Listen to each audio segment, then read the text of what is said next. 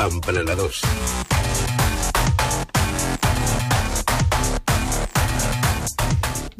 Deu print comita, comet, eh, no sé què és com ho podria dir, s'obren cometes, hola, es tanquen cometes, 20, go to, 10, enter.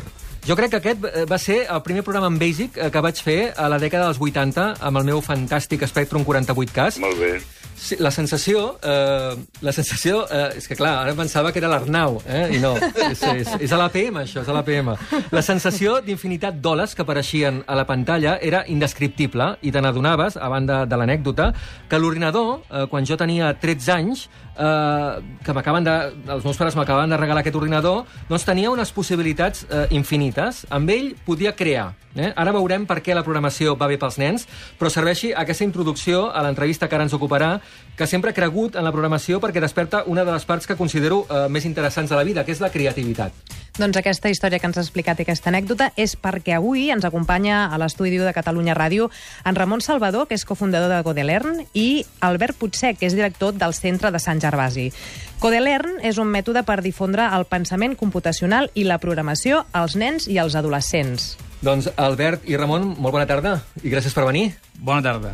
Bona tarda. Uh, vosaltres havíeu fet això d'aquest programet en Basic? O... Sí. Sí? Perquè Sí, sí, tenim sí. una mica les mateixes... No, bé, som de la mateixa generació, eh? Sí, sí, a mi me recordo que quan tenia, em sembla, 8 anys, eh, els meus pares em van apuntar a un curs que es feia també llavors, que era de Basic, perquè a mi m'agradava també tot això dels ordinadors, i m'havia comprat un MSX i tot això, en aquella època. Doncs i tant, ho recordo molt bé, molt bé. És que potser els ordinadors en aquella època, eh, com que eren potser tan bàsics, com que era doncs, un producte que acabava de néixer de forma popular, eh, te n'adonaves que tu havies de treballar eh, una mica per, per fer coses. Ara eh, s'ha perdut una mica, no, això? Eh, és a dir, l'ordinador ja t'ho fa tot i potser has de pensar menys o no? Sí, jo crec que ara eh, l'ús que fem és molt de consum. Sí. Vale? O sigui, nosaltres agafem el telèfon, tenim aplicacions, agafem l'ordinador, tenim aplicacions, hi ha molta cosa feta, no? I llavors ja eh, diríem que la vessant creativa està com més oculta. Uh -huh. Segurament, sí, sí. Segur, Llavors, segur. sobretot si, si pensem en el que és uh, més el món de, um, dels nens, dels adolescents, tot això, no? És, és bastant més, més uh, ocult. Però, per exemple, mira, ara comentar-te, acabem d'arribar, venim de um, San Francisco, que hem estat una setmana allà per temes, vull dir, de feina, hem estat amb la gent de Netflix, hem estat amb la gent de Facebook, gent de Twitter, Molt bé, no? Sí. Eh, sí, no? Escolta'm. i, i clar, és curiós veure com ha canviat la percepció de tot el món tecnològic, de la importància d'aquesta creativitat, per exemple. Uh, I aquí a Barcelona, per exemple, això també està passant amb un, amb un nivell diferent, vale? però amb tot el que són els perfils més tecnològics associats uh, amb la creació, diríem, de, des de què sé, webs o aplicacions o tecnologia en general, diferents solucions, doncs hi ha un ecosistema, jo crec, cada vegada més potent i per tota la gent que ens dediquem a aquest sector, doncs cada vegada millor. Uh -huh. I molt d'ell amb codi lliure, sí. Eh, que pots fer servir sense cap problema. Eh, quan vas a codelern.cat, una de les coses que més sorprèn és la quantitat de llocs on es pot estudiar eh, o on pots portar el teu noi a, a programar. Eh, no, no, és una, no és un lloc, sinó que són varis, no? Sí, sí, sí. Ara, aquest setembre, ja hi haurà, diríem, set centres. Déu-n'hi-do. I, I, bueno, comentar que nosaltres vam començar fa tres anys aproximadament, i una mica la motivació és, eh, per exemple, jo la meva filla doncs, volia que aprengués aquesta part creativa, no? No només la part de consum, que ja s'aprèn de manera natural, no? I, I clar, què passa? Que, que vam veure que no hi havia res una mica com una mica estructurat, una mica de currículum, una manera d'enfocar com aprendre. Hi havia coses, no?, per fer una miqueta, un tastet d'això, un tastet d'allò, però res amb un enfoc, diríem, més a llarg termini, no? Uh -huh. I, clar, trobaves que el que es fa d'informàtica o tot això és molt orientat a usuari, no? Excel, Word, aquestes coses, dius, bueno, doncs si això... Eh... I, bueno, a partir d'aquí, doncs, neix, comença que treballem, diríem, amb la meva filla, amb els cosins, amb uns companys, i anem desenvolupant el mètode. Que sobretot el que ens preocupava era això, que fos una manera que fos divertida i que funcionés pels nanos. I per què és bo pels nanos que mm, piquin codi, que facin coses perquè després hi hagi un resultat en pantalla, per exemple? El, te el tema és que avui en dia s'està convertint gairebé... Jo crec que estem a l'inici, però és, és eh, com gairebé indispensable. Per què? Això podem fer una analogia una mica llegir i escriure, no? O sigui, podem pensar que abans, fa molt de temps, doncs llegir i escriure sabia molt poca gent, no? I la majoria no en sabia.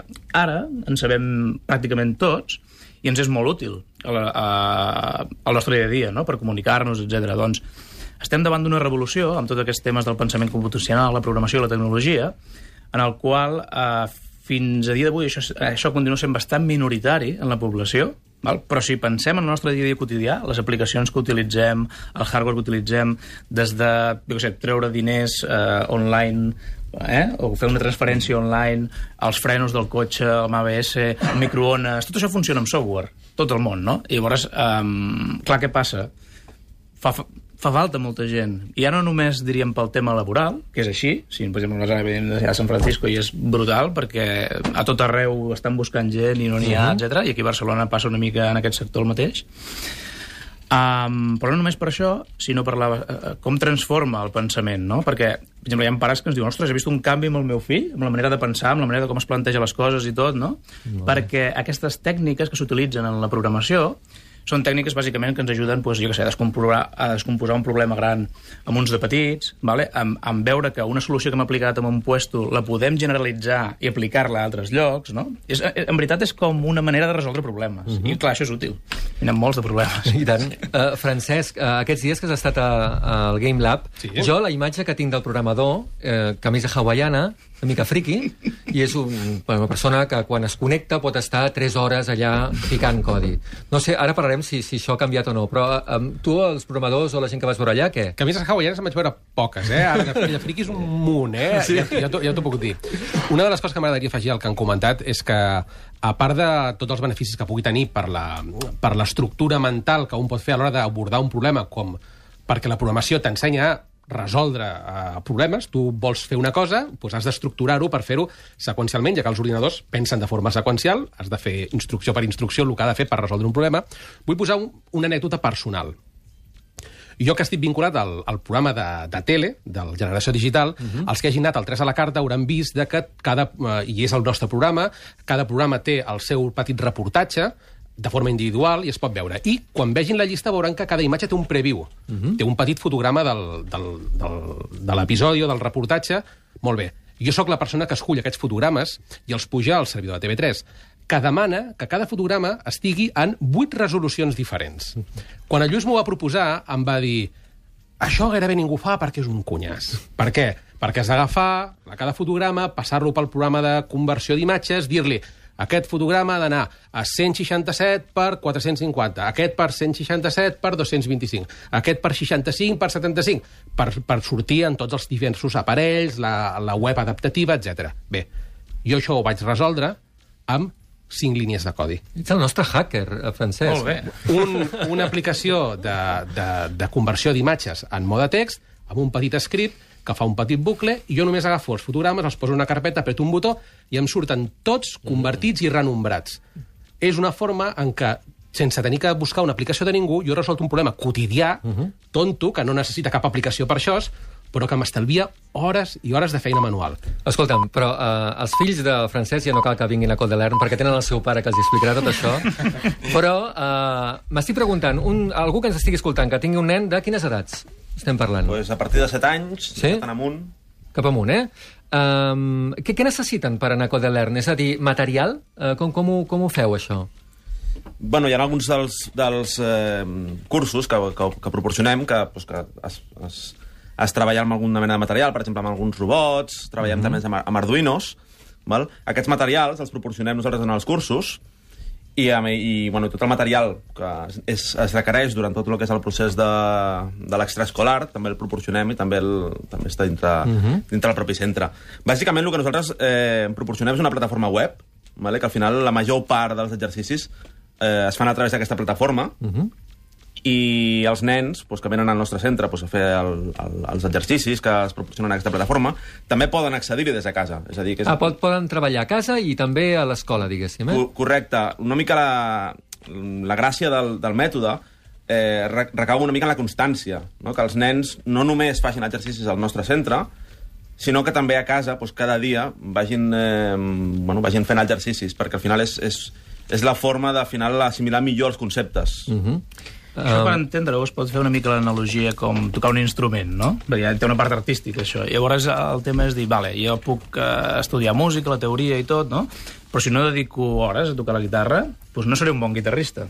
val? Sí, encara sí. que la teoria ho conegui molt bé. Doncs això, això és una mica el mateix, no? Una cosa és entendre els conceptes, però l'altra també és interioritzar-los i ser àgil quan, quan els utilitzes, perquè això et dona una base amb la qual problemes més complexos els pots a, atacar millor. Uh -huh. Llavors, lo- també el que intentem eh, tot això està estructurat en forma d'aventures, vale? llavors està tot gamificat. És com un joc pels nens. Aconsegueixen punts, aconsegueixen medalles, coses... Doncs, amb un univers de personatges i tot. Mira, parlant d'universos, escoltem aquest efecte. Qui tingui fills, és un so, és una banda sonora a casa, el meu, a casa meva és la banda sonora dels dissabtes i diumenges de la tarda, és el Minecraft, i el Minecraft, eh, d'alguna forma, l'incorporeu en aquest aprenentatge? Sí, Mm, què, què fan? Juguen o què fan? Programen el, i juguen també. El tema és el següent, a veure, uh, el, els nens se senten molt atrets pel Minecraft, és una cosa que els agrada molt, no? també té una vessant artística, una mica de construir tot això que dèiem, no? Llavors, què passa? Que va molt bé perquè ells eh, estan jugant al joc i ho fan de la manera estàndard, no? I de cop i volta els dius, mira, doncs que a més a més de jugar com jugues, ara posem un llenguatge de programació dintre del joc i pots fer les teves construccions programant. I coses maco. que abans els hi costarien molt, Uh -huh. Les poden fer, ostres, doncs ara penso i en un moment mm, faig una, un- una casa i faig un poble, perquè ho repeteixo, pam, i ja ho tinc fet, no? I també se n'adonen que segurament eh, darrere d'aquells gràfics hi ha molts números i molts codis, sí. no? Sí, sí, I, i clar, com que és una cosa que, mm, que a ells els agrada molt, ho troben útil. Sí. Val? No és una cosa que ostres, i això per què ho vull? I llavors també el que passa és que poden, per exemple, connectar-se amb un servidor i tots junts col·laborativament fer coses. Molt bé. I s'ho passen molt bé perquè a part de construir coses doncs, se les destrueixen i es fan males passades, es fiquen bombes Sí, sí, per sobre, sí. això exploten tot, aquest tema, no? És el bullying del segle XXI, eh? De fet, eh, bé, jo tinc experiència amb el meu fill de baralles, eh? A baralles, de... Hosti, què vas fer-me ahir?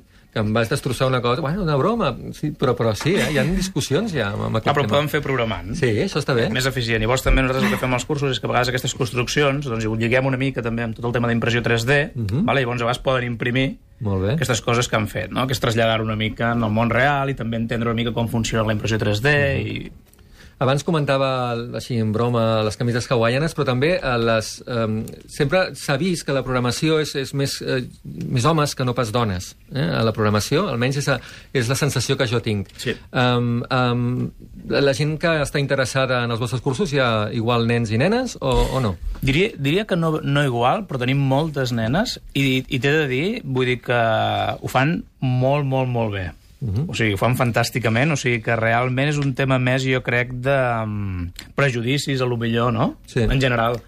Els, els campionats de robòtica eh, de, infantil els guanyen equips de nenes, eh? Sí, Jo sí. ho deixo aquí sobre la no, taula. és que potser també, clar, mm, com que podeu fer dues coses alhora, passa, no pas nosaltres... Mica, per exemple, als Estats Units el, el que estan fent...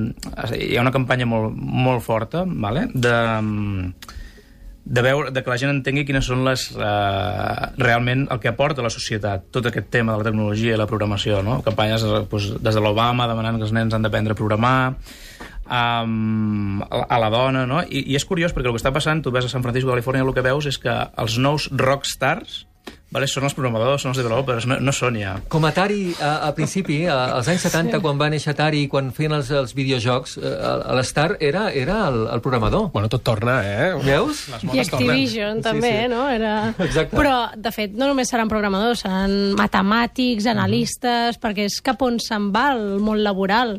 I, per tant, aquesta gent és la que mourà el món. Abans eren els nerds, ara són els enginyers. Escolta'm, uh, de cara a aquest uh, estiu, feu cursos?